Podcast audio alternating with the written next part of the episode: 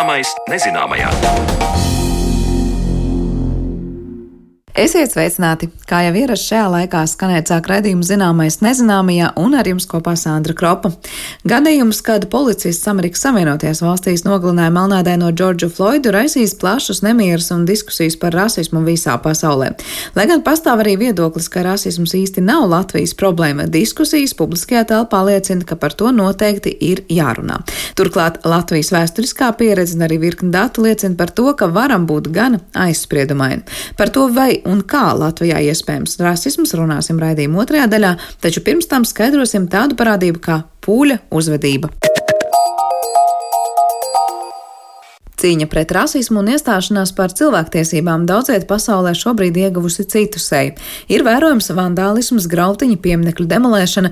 No vienas puses tas vairs neizskatās kā cīņa par tiesībām, bet no otras puses tas parāda iesīkstējušas problēmas sabiedrībā, kas izpaužas destruktīvā veidā.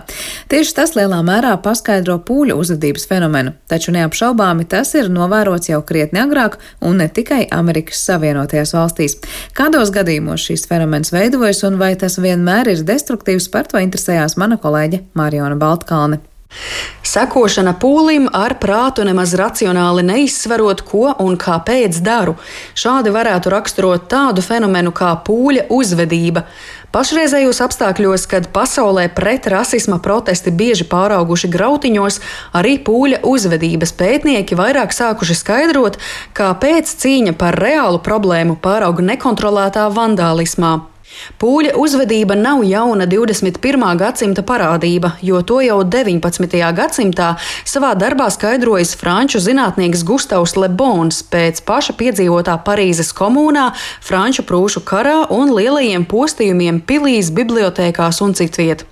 Plašāk par šo tēmu stāsta Latvijas Universitātes Sociālo zinātņu fakultātes socioloģijas nodaļas profesore, socioloģijas doktore Aija Zobena. Libonas atcerējums par pūli ir nu, tas pirmais atspērienu punkts, un tas vienmēr tiks pieminēts. Un uh, Libons uh, precīzi saskatīja daudzas lietas, uh, kas vēl joprojām vienmēr tiek uzsvērtas raksturojot pūļu uzvedību. Tā ir anonimitāte, noskaņojumu, nu, lipīgums pārēja ļoti ātri no cilvēka uz cilvēku.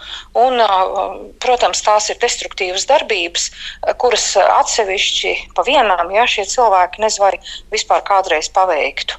Bet uh, savācoties kopā lielā masā, ja, tad var notikt ļoti iespaidīgas lielas lietas. Šis darbs ir publicēts 1895. gadā. Bet uh, 20. gadsimta sākumā tas iemantoja ļoti lielu popularitāti, un to lasīja daudz, un dažādi bija šie lasītāji. Un to starpā ir arī, piemēram, Adolfs Hitlers. Un, ja jūs esat skatījušies, redzējuši kādas nacisma laika kronikas, tad tur ļoti iespaidīgi tiek izmantoti dažādi masu pasākumi. Milzīgas demonstrācijas, milzīgi lāpu gājieni. Tātad faktiski laikam tajā pūļa efektā ir no vienas puses gan tas destruktīvais, gan arī no otras puses ir tas nu, saliedējošais. Un, ja mēs paskatāmies uz 20. gadsimtu, jā, jau 30., 40., 50. un tā tālāk līdz pat mūsdienām, dienām ir ļoti daudz uh, pētījumu par pūļu fenomenu. Tas vairs netiek tverts tikai nu, kā tāds destruktīvs un iznīcinošs. Socioloģiskā literatūra aprakstīta ļoti dažādi pūļu tipi. Un, uh, patiesībā mēs pat nemaz neaizdomājamies, ka tie paši pūļa, jeb masu uzvedības efekti parādās arī, piemēram, tad, kad mēs kinoteātrī skatāmies kādu komēdiju, kas mums šķiet ārkārtīgi smieklīga, un mājās pēc tam vairs nevaram saprast, kas tur bija tik smieklīgs, par ko mēs tā smējāmies. Kad arī nu, patiesībā principā tā uzvedība ir iracionāla, vērsta nu, šī gadījumā uz kaut kādiem ārējiem notikumiem. No mūsdienu socioloģijas perspektīvas raugoties, pūļa uzvedība tiek interpretēta tajā brīdī, kad mūsu izturēšanos regulējošās normas vairs nedarbojas. Vai nu mēs no tām mākslīgi un labprātīgi esam atteikušies, piemēram, dodoties uz roka koncertu vai sporta spēli, vai arī pūļa efekts veidojas stihiski. Vēl pūļa efekts tiek izmantots gan uzkurinot sporta spēļu un koncertu skatītājus, gan tad, ja cilvēki ir ar kaut ko neapmierināti un sabiedrībā ir gadiem nerisinātas problēmas. Tas attiecināms uz protestiem ASV, kur rasu attiecības ir sens un sāpīgs jautājums. Uzplēšot strutojošu augoni, iespējams izsaukt tādus spēkus, kas nav kontrolējami un ir bez racionālas rīcības, piemēram, daudz viet notikusī pieminekļu demolēšana. Piemēram, Birmingemā tika gāsts kāda nu, savu laiku cienīta uh, pilsoņa no 18. gadsimta piemineklis uh, ļoti brutāli, uh, tāpēc, ka viņš savā laikā bija nodarbojies arī ar vergu tirsniecību. Nu, ja mēs skatāmies no mūsdienu pozīcijām, tas, protams, ir briesmīgi, bet, ja mēs skatāmies no tā laika cilvēku perspektīvas, jā, tad, nu, teiksim, Robinsonam Krūzo arī ir diezgan grūti saprast, ka piekdienas ir viņam līdzvērtīgs cilvēks. Tas pūļa efekts, nu, ir tāds, kas var ļoti ātri uzvirmot, un tajā situācijā, ja tam ir kaut kāds objektīvs pamats, nu, kā piemēram šeit šīs neatrisinātās rasu attiecības, tad tas, protams, var ievilkties un tas var aizsīt jaunus un jaunus viļņus, bet nu, kaut kādā ikdienas situācijā cilvēki savācās, ja ir ar kaut ko ļoti neapmierināti, ja viņi varbūt tur kaut ko salauž, sademolē, ja varbūt pat sarunā sarunā atnākt rīt satikties, turpināt, jā, bet es varu derēt, ka nākamajā dienā tur neviens vairs neieradīsies, jo ieslēgsies ja, šī racionālā uzvedības regulēšana. Nu, es atceros, es lasīju 90. gados, kad ziņās, ka kaut kur tālāk Krievijas pilsētā jā, cilvēki gaidīja, ka tirgu pievedīs gaļu, un to gaļu neatveda, jā, nu, tad viņi izdemolēja to tirgu, piekāva pārdevēju, jau ar to arī viss beidzās. Bet tas jau nenozīmē, ka viņi teiksim, nākamā dienā nāks un rīkosies tāpat. Ja runājam par teātriem, tad Aija Zobena stāsta, ka vēsturiski teātros skatītāji izrādes laikā nemaz nav slīguši omulīgā tumsā. Telpa bijusi pietiekami apgaismota un tradīcijas mainījušās vēlāk. Tumsa skatītāju zālē piešķir anonimitāti, un mums ir patīkami iziet ārā no ikdienas rāmjiem un saplūst ar pūli. Tajā pašā laikā var veidoties dramatiskas situācijas, kad sekošana pūlim var maksāt dzīvību. Kuģu katastrofās katrs glābjas kā var, un to, kas saglabā racionālu un vēsu prātu, ir maz. Nu, ja mēs runājam par to pašu Estonijas katastrofu, kas salīdzinoši nu, nesen, es domāju, daudziem atmiņā, ja, ka tur bija neskartas glābšanas laivas. Un tāpat laikā ja, ļoti daudz cilvēki, nu, kas arī izglābās, teica, ka to glābšanas laivu nebija. Tāpēc, acīm redzot, visi metās uz vienu vietu, jau uz vienu pusi. Nu, patiski dara tā, kā, kā, kā rīkojas citi. Pūļa uzvedība daudzos gadījumos ir mēģinājums nu, šo problēmu atrisināt tūlīt un uz vietas. Bet tas, protams, nav iespējams.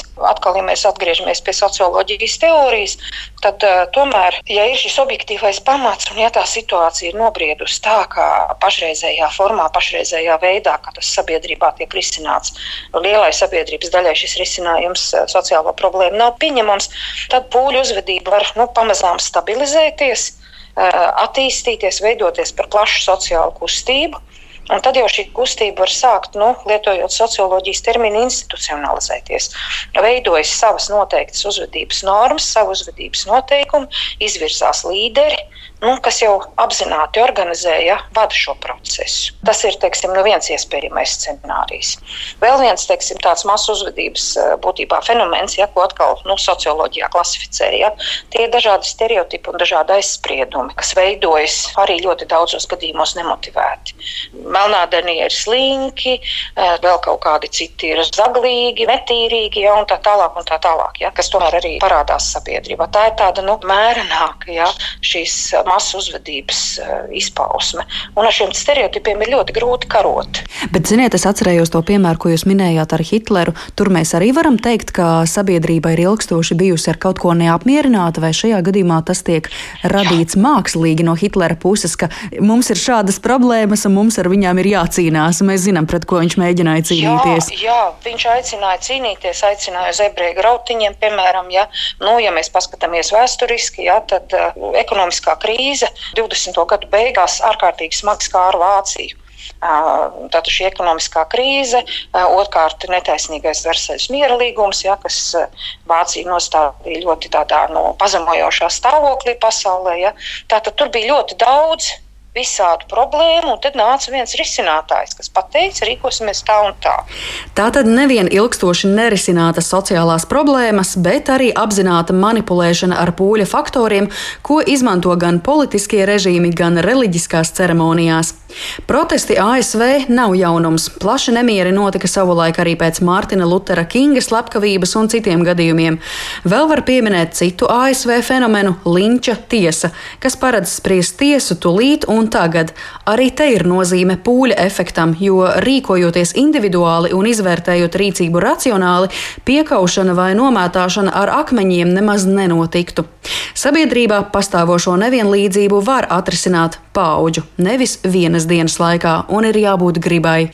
Bet kādas vēsmas pūļa uzvedības sakarā bijušas novērotas Latvijā?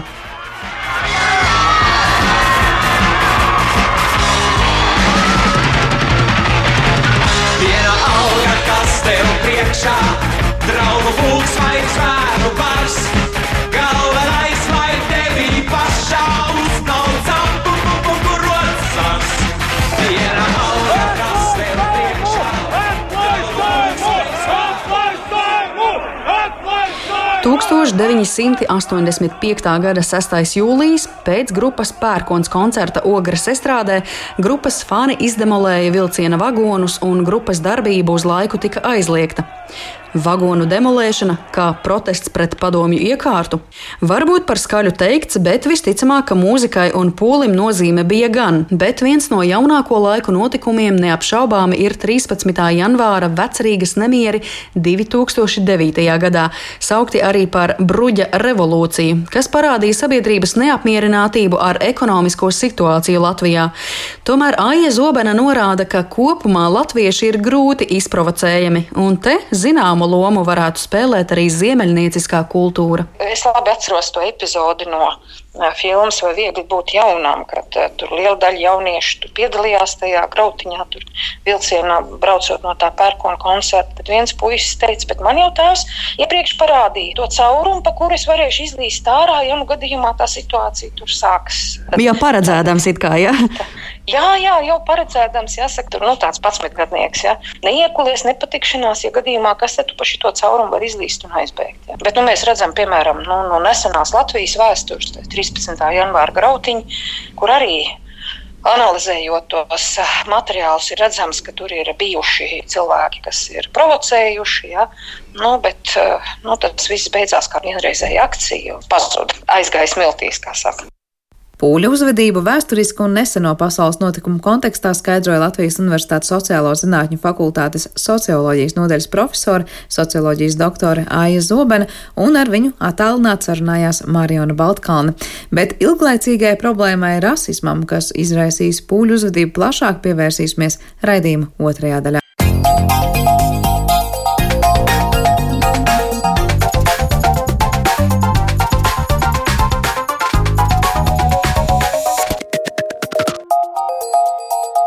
Zināmais nezināmajā. Gadījums, kad policists ASV nogalināja melnādaino Džordžu Floydu, raisīs plašus nemierus un diskusijas par rasismu visā pasaulē. Vai Latvijā ir pamats runāt par rasismu, vai šeit ir augsne naida noziegumiem, un cik aizspriedumaini esam vai neesam? Atbildes uz visiem šiem jautājumiem meklēsim kopā ar mūsu diviem šīs dienas raidījuma viesiem studijā, proti, mūsu improvizētajā studijā. Mums ir Latvijas Universitātes filozofijas un socioloģijas institūta vadošie pētnieki Didis Bērziņš un Kaspars Zēlis. Labdien jums abiem! Labdien! Labdien. Jūs abi esat gana plaši pētījuši holokaustu, antisemītismu izpausmes, un pamanījām arī, ka Digis sociālajos tīklos ir paziņojis, ka dzīvojam otrajā antisemītiskākajā reģionā pasaulē. Tic, varbūt es pirms sākšu ar to, vai tiešām tā ir un kas liek teikt, ka pie mums ar to antisemītismu ir tik traki. Jā, varbūt tas bija tāds provokatīvs izteikums kaut kādā ziņā, bet ir arī tāda aptauja, kur uh, pasaule ir sadalīta septiņos reģionos. Uh, starp citu, diezgan liela aptauja, viena no retajām, kas cenšas aptvert visu pasauli. Un, un tur, tur mēs esam iedalīti Austrumē, Eiropā, un Austrumē, Eiropa šajā aptaujā tiešām ir otrs antisemītiskākais reģions uzreizēs tuvajiem austrumiem. Uh, Eh, kas ir no atrāvienu visantisemītiskākais. Un tā skatoties eh, pasaules griezumā, mums tas antisemītisma indeks šajā aptaujā mm, ir nedaudz virs vidējā pasaulē, bet atkal, ja mēs noņemam no tuvos austrumus, tad, tad eh, mēs esam krietni virs vidējā. Nu, ne krietni, bet mm, lielāku atrāvienu virs. Kas liek par to teikt, nu, kā mēra šo indeksu? Ir kaut kāds, tas pieņem konkrēts tomēr darbības vai izteikumi, ko cilvēki saprot un nesaprot ar savu antisemītismu līmeni? Tad, tad tā interesantā lieta ir, ka šajā aptaujā ir 11, 11 izteikumi, ko aptaujas veidotāji uzskata, ka tie ir antisemītiski. Nu, pie, pro, piemēram, ebrejiem ir pārāk liela ietekme uz pasaules ekonomiku, ebrejiem ir pārāk liela vara mēdījos un tā tālāk.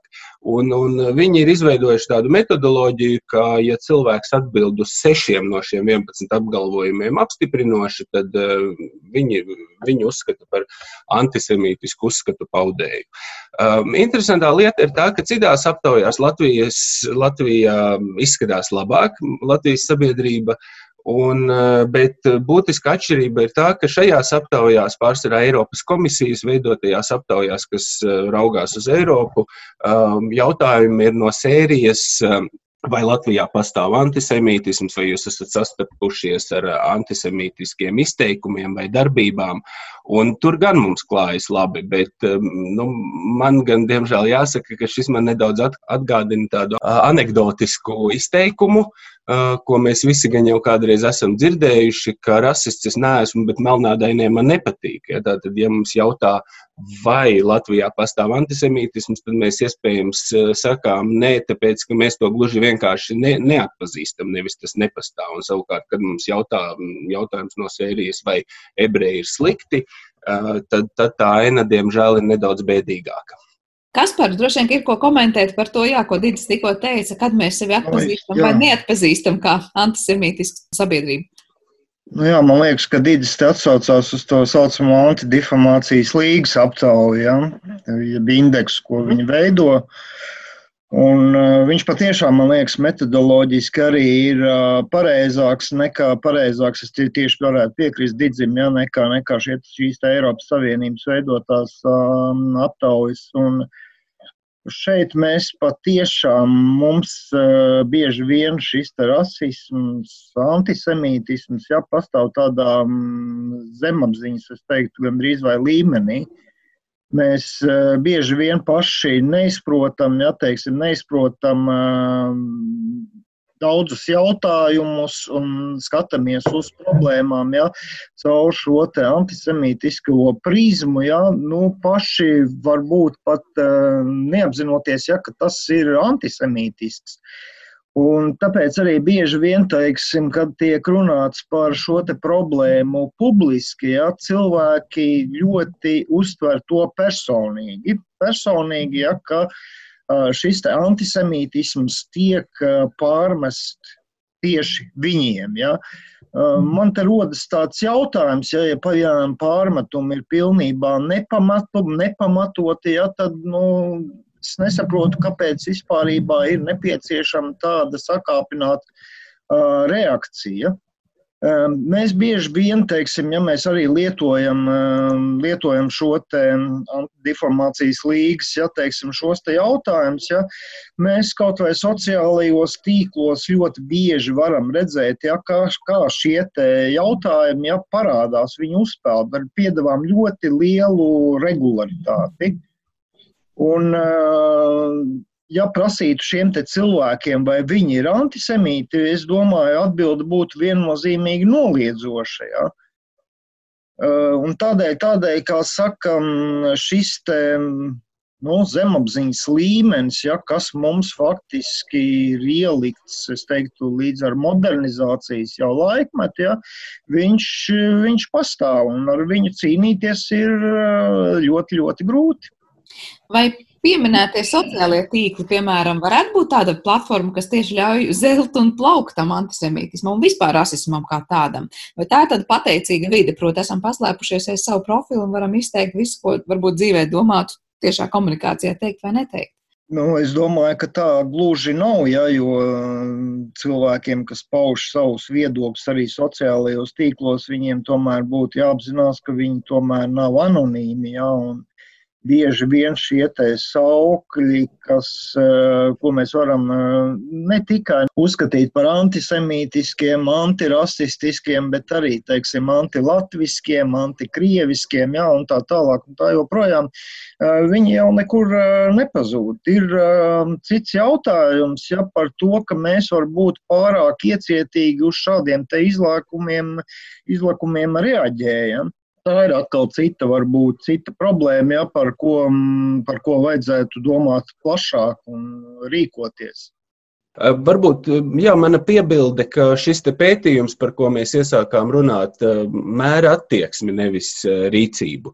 Un te gan man jāsaka, ka es domāju, ka rīcībā varbūt mums ir mazāk to izpausmju, ka tie vairāk ir attieksmes jautājumi. Un, un vēl kas būtiski, ka aizspriedumi nu, ir daudz, daudzslāņaini un sarežģīti, un arī ir, ir jautājumi, uz kuriem mēs atbildam nu, diezgan neaizspriedumaini, un savukārt ir tādi, kuros aizspriedumi parādās vairāk. Un, un tiešām Latvijā varbūt mums runājot par antisemītismu, nemaz tādas šobrīd īsti reālas saskarsmes ar ebrejiem nav. Ebreju kopiena šobrīd ir neliela, ap 5-6 tūkstošiem, kas ir 0,2-0,3% no sabiedrības.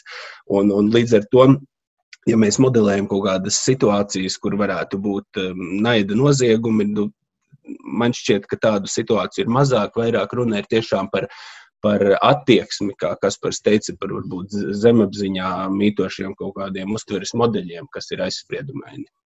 Par tām attieksmēm un, un aizspriedumiem, protams, vēl parunāsim, bet um, kā ir ar ne tikai ebrejiem, ja mēs runājam par citu rasu kaut vai tautību cilvēkiem, ir izskanējuši arī šeit dažādi viedokļi sociālajos tīklos un arī publiskajā, protams, telpā par to, ka kaut vai ārzemju studenti, kas saka, kas ir tumšas ādas krāsas vai no Indijas vai, vai Dienvidāfrikas, viņi ir saskārušies ar vairākiem uzbrukumiem uz ielas, kas tiešām ir aizskaroši viņu ārējā izskata dēļ. Vai jūs saskatāt, ka te ir problēma daudz plašāka, un mēs varbūt um, abstrahējamies runājot tikai par eh, aizspriedumiem pret ebrejiem Latvijā? Protams, ka viņi var skatīties eh, plašāk, un eh, jebkurš jau teiksim, aizspriedums, vai mums tas patīk vai nē, viņš ir jebkuras nu, teiksim, kultūras pamatā. Ja? Šie aizspriedumi lielā mērā definē nu, šo te, pirmkārt jau mūsu pašu identitāti, mūsu pašu priekšstats pašiem par sevi, ja, un definē arī priekšstats par citiem.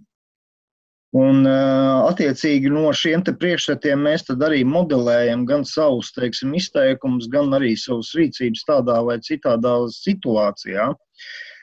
Protams, protams, ka šīs attieksmes, attieksmes ir ļoti dažādas, bet mums būtu jāskatās, es domāju, vairāk, vairāk šī problēma tajā kontekstā, ja, cik lielā mērā mēs e, spējam vispārībā uztvert citādo. Mums eksistē teiksim, arī problēmas ne tikai ar ārvalstu studentiem. Mums ir samilzušas problēmas teiksim, ar uh, Latvijas uh, romiem, jeb čigāniem. Ja. Es domāju, ka mums ir diezgan liela arī problēma attiecībā ar Latvijas krieviem. Ja, šeit gan ir divpusējs šis dzelzceļš, ja mēs tā varētu teikt. Ja. Bet eh, šīs te, šīs te, mm, šie te aizspriedumi eksistē, ja, un es domāju, ka no viņiem tik ātri nu, nav iespējams brīvot. Kas nosaka to, cik ātri, pirms dot vārdu, varbūt Dicim, varētu no šiem aizspriedumiem atbrīvoties? Nu, teiksim, ja šie te aizspriedumi ir veidojušies vairāku gadsimtu garumā, ja, tad eh, vēlme, ka mēs no tiem varētu atbrīvoties pāris gadu laikā, man liekas, ir uh, vairāk nekā utopiska. Ja. Šeit ir jārunā par uh, sistemātisku ja, nu, izglītības darbu, sistemātisku cilvēku um, apgaismošanu, iepazīšanu ar šīm cit, citām uh, sabiedrības grupām, ja, lai mēs kļūtu atvērtāki. Atvērtāk, es domāju, tādā veidā, ka mēs spētu arī uztvert šo citādo, kas mums blakus eksistē un arī eksistē. Digi. Pievienojos Kasparam. Um, es vēl nevarbūt palaidu garām, bet noteikti pie, pie tām problēmām, kas, manuprāt, Latvijā pastāv, um, būtu minama arī homofobija, neiecietība pret uh, citādu seksuālo orientāciju. Tā kā kopumā um, man šķiet, tāpat kā Kasparam, ka Latvijā ir problēmas ar iecietību dažādos jautājumos. Un, Un um, atbilde ir tāda pati, ka tas ceļš ir lēns, tā ir diskusija, izglītošana.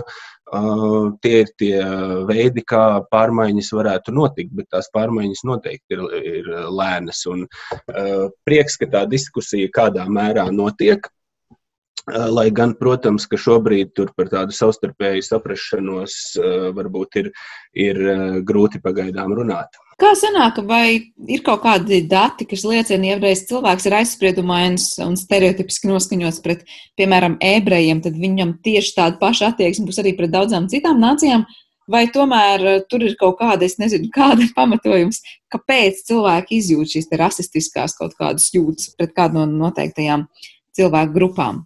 Negribētu tos vispārināt, jo noteikti var būt ļoti dažādi, bet kopumā aizspriedumi, ja tā drīkst teikt, eh, nāk paciņās. Ja, tā, tad, ja cilvēks ir aizspriedumains vienā jautājumā, tad ļoti iespējams eh, būs arī citos. Un, un tas, eh, ko mēs iesākām runāt par aptaujām, es domāju, ļoti labi liecina, ka mēs šos aizspriedumus pagaidām slikti atpazīstam. Mēdījos šobrīd, manuprāt, ir sākusies diskusija, vai tā būs fragmentāra vai, vai ilgstoši, to mēs redzēsim, bet arī iepriekšējās nedēļās Latvijas sabiedriskie mēdīji LSM portāls bija publicējis dažus pētījumus, un, un nu, tie, tie, tie, tie sižeti bija, bija bažas raisoši, ja tā, ja tā drīkst teikt. Jo tur bija tieši tas pats, ka ir pamats domāt, ka mēs neatpazīstam aizspriedumus. Tur bija aptaujāti studenti ārvalstu un, un citas personas. Tur tad, tā gan man šķiet laba metode, ka šajos gadījumos ir vērts jautāt tieši grupām, uz kuriem šie aizspriedumi varētu attiekties, vai viņi izjūt. Un tie ir citi rezultāti nekā aptaujā, kur tas tiek jautāts cilvēkiem, nu, pret kuriem šie aizspriedumi nu, nekādi nevar vērsties, jo tie nepiedara konkrētajām grupām. Un, un tas, kas dara bažīgu šajos sižetos, bija tiešām, ka cilvēki stāsta par gadījumiem, kur viņi ir saskārušies ar aizskarošu rīcību. Um, arī rasistiski motivētu aizskarošu rīcību, bet no otras puses um, ir dažas institūcijas, kuras par to neko nav dzirdējušas. Tad mēs varam runāt um, par institucionālo rasismu un, un situāciju, kur um, šie aizspriedumi vienkārši netiek atpazīsti no institūciju puses vai, vai šie rasistiskie motīvi dažos noziegumos vienkārši netiek pamanīti. Un, un, un šie noziegumi tiek iekadrēti citā veidā, un tādā ziņā mēs atkal nonākam pie situācijas, kur problēmas it kā nav.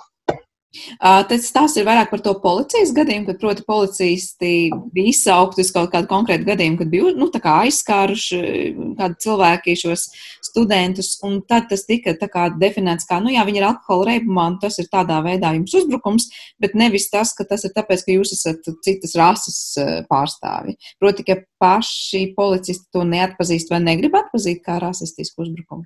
Jā, nu es varbūt negribētu uzreiz pēc dažiem sižetiem uh, komentēt policijas rīcību, cik lielā mērā atpazīst vai neatpazīst, bet man ir aizdomas, uh, gan, gan raugoties uz šīm aptaujām, gan skatoties uz, uz sižetiem, ka šobrīd mēs neatpazīstam. Tas, ko mēs runājām, ka mēs ikdienā varētu neatpazīt diskusijās sociālajos tīklos, dažkārt cilvēki uzskata par normālu paustu aizspriedumainus uzskatus un, un, un, un pašsaprotami nesaskatīt tur neko aizspriedumainu.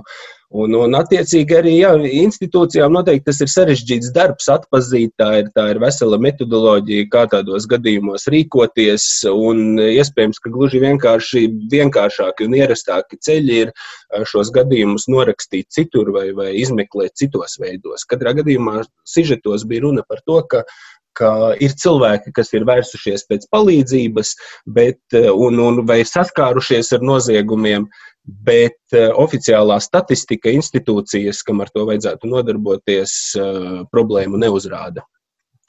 Nav, nav pamanījušas vai nav konstatējušas. Šeit varētu varbūt vienu tādu nelielu remarku par to, ko Digis teica par tām aizspriedumu paciņām, ja, kas nāk līdzi cilvēkam, un parasti aizspriedumi nav viena. Ja, tas es būtībā tam piekrītu, kaut vai es esmu novērojis, un tas ir ne tikai, bet arī tādā vēsturiskā perspektīvā, ka bieži vien cilvēkiem, kuriem ir aizspriedumi, ja viņš mēģina noliegt attiecīgi, teiksim, citus aizspriedumus, ja, Attiecīgi, to mēs varētu skatīties tādā veidā, piemēram, ja, ja cilvēks atzīst, ka viņš ir antisemīts, ja viņš tajā pašā laikā mīl ļoti uzsvērt, ka viņš nav rasists, ja, vai atkal otrādi. Un tā ir tāda dīvaina, dīvaina taktika, ja, un šo dīvaino taktiku, lai cik, cik interesanti tas nebūtu, ja mēs varam novērot pat, es nezinu, nacistu laiku uh, propagandā, ja, kas uztvēra, ka viņi nav antisemīti, ja viņi ir tikai, tikai un vienīgi vērstušies pret ebrejiem un absolūti mīl visas pārējās semītu tautas, ja, un nekāda aizsprieduma attiecībā pret citām tautām viņiem nav, ja, kaut vai vēsturiski mēs redzējām pilnīgi ko citu, ja. Uh, Un e, šobrīd, teiksim, arī teiksim, kontaktējoties ar cilvēkiem kaut vai ikdienā, vai kontaktējoties ar cilvēkiem sociālajos tīklos, jā, šis te, šī, šī te nianse diezgan bieži parādās. Kur jūsuprāt aug kājas, ja tā var teikt, aizspriedumiem vispār mūsu sabiedrībā? Es, es ja skatītos tīri no tādas vēsturiskās perspektīvas, ja, kā jau es teicu, aizspriedumi ir tie, kas e, definē mūsu identitāti.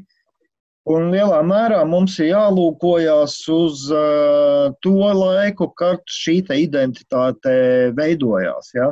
Uh, proti, tas nav nekur uh, ļoti sens laikmets, ja tur ir zemes bedrīšu kultūra vai nedodies pirmo ziemeļbriežu iena, mednieku ienākšana Latvijas teritorijā. Ja? Tas ir 19. gadsimts, 19. gadsimts ja, kad veidojās uh, Latvija, latviešu nācija. Ja? Kas tad pirmkārt jau formulē šo ideju, to, kas tad īsti ir latvieši, ja, un paralēli tam ja, tika veidot arī šī aizspriedumu sērija, aizspriedumu, mēs varētu teikt, virknē ja, attiecībā pret citām, citām, citām, citām tautām. Ja. Protams, viņa aktīvi, visaktīvāk, ja viņa vērsās pret tām tautām, kuras latvieši uzskatīja par saviem konkurentiem. Ja. 19. gadsimtā tie bija vācu baltieši, jā, bet tad, kad um, pilsētās un laukos ja, sāk pieaugt arī šis ebreju uzņēmēju īpatsvars, ja, tad, protams, arī parādījās, parādījās ja, latviešu šajos uzskatos antisemītismu deva diezgan pamatīgi. Tas ir tas laiks, ja, kad šis antisemītisms radās. Uh, praktiski, praktiski tieši tāpat kā citā, citās valstīs. Mēs varam runāt par reliģisko antisemītismu, ja, kas ir varbūt daudz, daudz uh, vecāks. Uh, bet cik lielā mērā ir viņa ietekme uz šodienas Latvijas cilvēku, man ir ļoti grūti pateikt. Ja mēs atsaucamies uz šo pašu jau minēto mūsu aptauju, ja, ar ko Digis iesāka, ja, tad eh, ļoti smuki parādās, ka, piemēram, katoļticīgajā Lietuvā ja, šis indeks, antisemītismu indeks ir daudz, daudz augstāks ja, nekā Latvijā. Tas par, par veseliem 10%, ja, sastādot 38%. Un lielā mērā ja, tas veidojās tieši arī balstoties uz šiem reliģiskajiem aizspriedumiem. Taču, ja mēs paskatāmies uz um, šo te, šo te, šo te aptauju, ja, tad tur ir arī teiksim, tāds jautājums, ja, kas spēj, spēj, spēj identificēt šo reliģisko antisemītismu, ja nemaldos to, vai patiešām ebreji vainojam ja, pie Kristus, ja teiksim, sišanas krustā un tā tālāk. Un, zināmā mērā, zināmā mērā šis, te, šis te jautājums, šis te reliģiskais, reliģiskā lieta, ja, lai arī Latvijas baznīcās viņa praktiski vairs, es domāju, ka nekur nenotiek, ja, bet tomēr šīs te saknes tam reliģiskajam antisemītismam ir daudz dziļākas, daudz dziļākas un daudz nostabilizējošākas nekā, nekā teiksim, nacionālajai identitātei, ja, kurai attiecībā pret ļoti e, vairākus tūkstošus gadus, ja teiksim, pagātne ir tikai daži simti gadi. Mm, jā, paldies. Dīdzi, kā izskatāmies uz citu valstu fonu un kā ir ar to aizspriedumu veidošanos un identitātes veidošanos Latvijas sabiedrībā? Vēlreiz, varbūt precizējot pats sevi, es arī gribu pievienoties tam, ko Kaspars teica, ka tajā brīdī, kad mēs sakām, ka Latvijā pastāv tādi vai citi anti, aizspriedumi, nevajadzētu uzreiz domāt, ka tādi pastāv visā sabiedrībā. Ja tad runa ir par to, cik lielas ir tās grupas, kurās šie aizspriedumi pastāv. Tik tiešām mēs ik pa brīdim redzam, ka cilvēki to uztver personīgi un tāpēc tā sāk aizstāvēties. Ja, sakot, ka, Latvijā ir vidēja līmeņa aizspriedumi, vai lielāki vai mazāki. Tas, tad, tad, tad to nevajadzētu attiecināt uz katru individu. Un, un arī eh, jebkurš eh, aizspriedums varētu būt daudzšķautņains, ja arī antisemītismu ziņā mēs varam runāt par, par saimniecisko, reliģisko kultūras un tā tālāk. Eh, tas, kas ir interesanti, šai gadījumā, ka mums, tāpat kā jau pieminētai Lietuvai un Baltijas reģionam kopumā, arī Polijai, varētu teikt, Austrumēropai arī ir, ir raksturīgs antisemītisms runājot par vēsturiskiem tematiem. Ja, teiksim, Latvijā no šiem apgalvojumiem, ko mēs te analizējam, visvairāk apstiprinošu atbildi ir saņēmis apgalvojums, ka ebreji par daudz runā par holokaustu. Uh, Vienā no kārtām šī aptauja ir veikta vairākās kārtās. 60% Latvijas respondentu apstiprinoši atbild salīdzinājumam, piemēram, Irāna, kas citos jautājumos ir krietni antisemītiskāka par Latviju. Šeit ir tikai 18% šajā jautājumā. Attiecīgi pretēji, kas attiecas uz tādu ikdienas sadzīvi, vai, piemēram, ebreji ir nepatīkami ikdienā vai, vai jūs nevēlaties satikt ebrejus ikdienā. Tur Latvija atkal ir um, mazāks antisemītisms konstatējums, jo gluži vienkārši nu, Latvijas respondents visdrīzāk ebreju nav saticis, kā mēs runājām. Ebreju kopiena šobrīd, šobrīd ir ļoti neliela.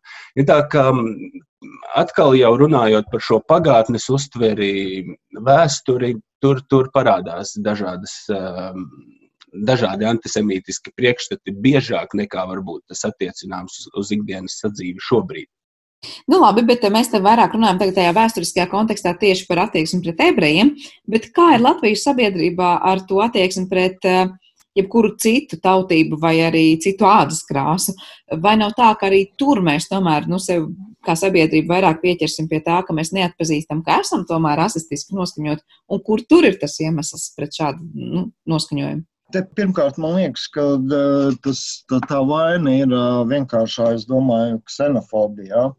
Mums nav šīs te, mēs varētu teikt, bioloģiskā rasisma, ja, teiksim, pieredzes, ja, kas ir vērojamas Amerikas Savienotajās valstīs vai Rietumē Eiropā, ja, kur, kur tas tika kultivēts un kurā sakām viņi viņi mm, saskarās. Jā, tāpēc mums pašiem šķiet, jā, ka ja mums, šī, mums šis bioloģiskais rasisms nu, nekad tā īpaši nav bijis uzsvērts attiecībā uz citām tieši rasēm, jā, tad šīs problēmas pats par sevi nav. Ja? Un tad, kad mums parādās, nezinu, priekšvēlēšanu materiāli ja, no dažādām partijām, ja, kurās ir izmantots šis te ksenofobiskais elements. Ja, Visbiežāk latviešu meitene jā, ar, tumšādainu puisi, jā, vai atkal, kas mums tur bija tumšādaini godsardas karavīri pie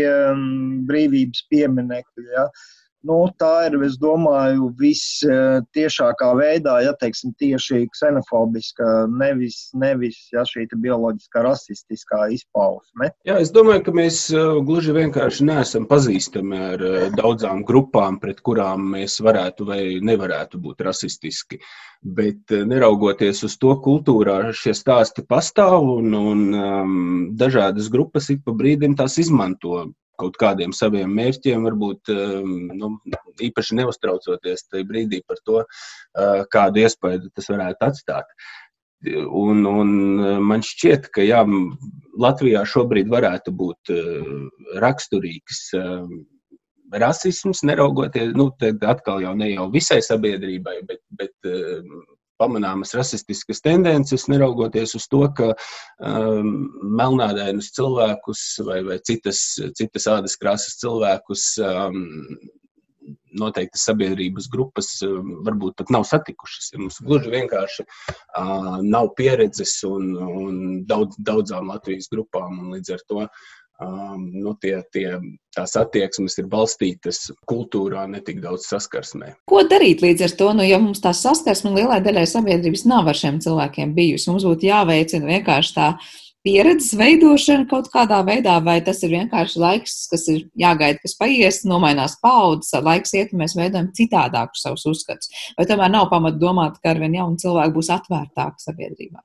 Akli ticēt to, ka mm, nomainīsies paudzes un mēs varam neko nedarīt. Ja? Uh, Nu, tas ir, liekas, diezgan muļķīga pozīcija, ja, jo paudzes tomēr pār, pārņem šo iepriekšējo paudžu gan vērtības, gan vērtējums. Ja, tā kā, tā kā, tā, tā kā ja mūsu paudze ir tik lielā mērā varbūt ksenofobiska, ja, tas nozīmē, ka ar nākošām paudzēm, ja neko nedarīs, būs tieši tas pats. Ja.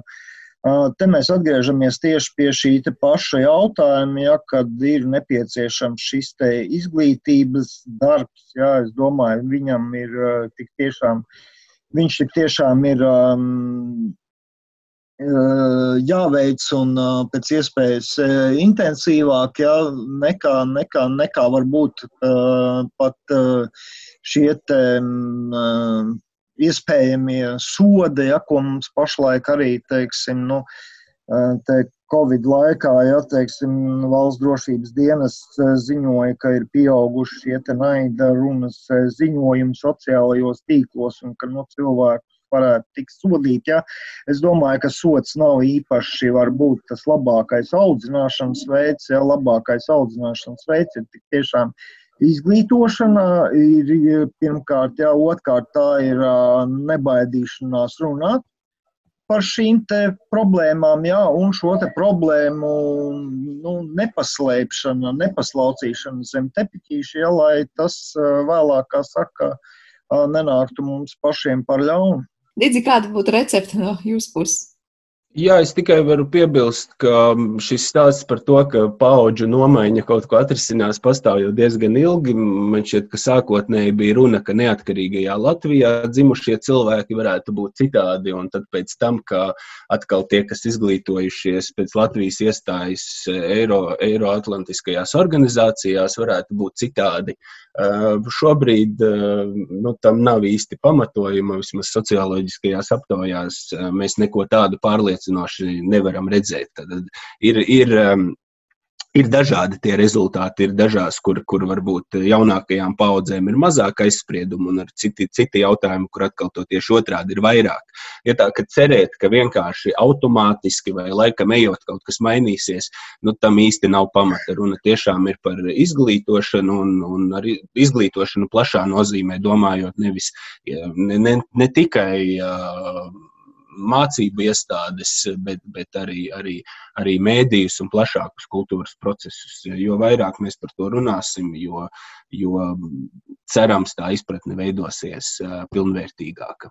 Šobrīd tiešām ir pamats runāt par, par ksenofobiju, kā naidu pret nezināmo, jo ļoti bieži ir pamats domāt, ka teiksim, pret melnādainiem cilvēkiem visdrīzāk naids varētu rasties aiz nezināšanas, jo šīs reālās pieredzes gluži vienkārši nav.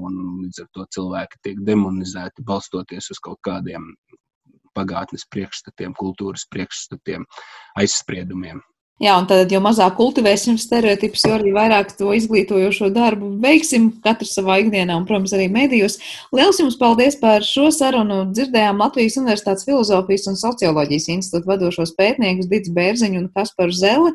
Ar to arī šis raidījums ir izskanējis un par to parūpējās producents Armīta Kolāte, mūzikas redaktors Girs Bišs un mums kopā šeit no citajā studijā bija Sandra Krapa. Uz tikšanos!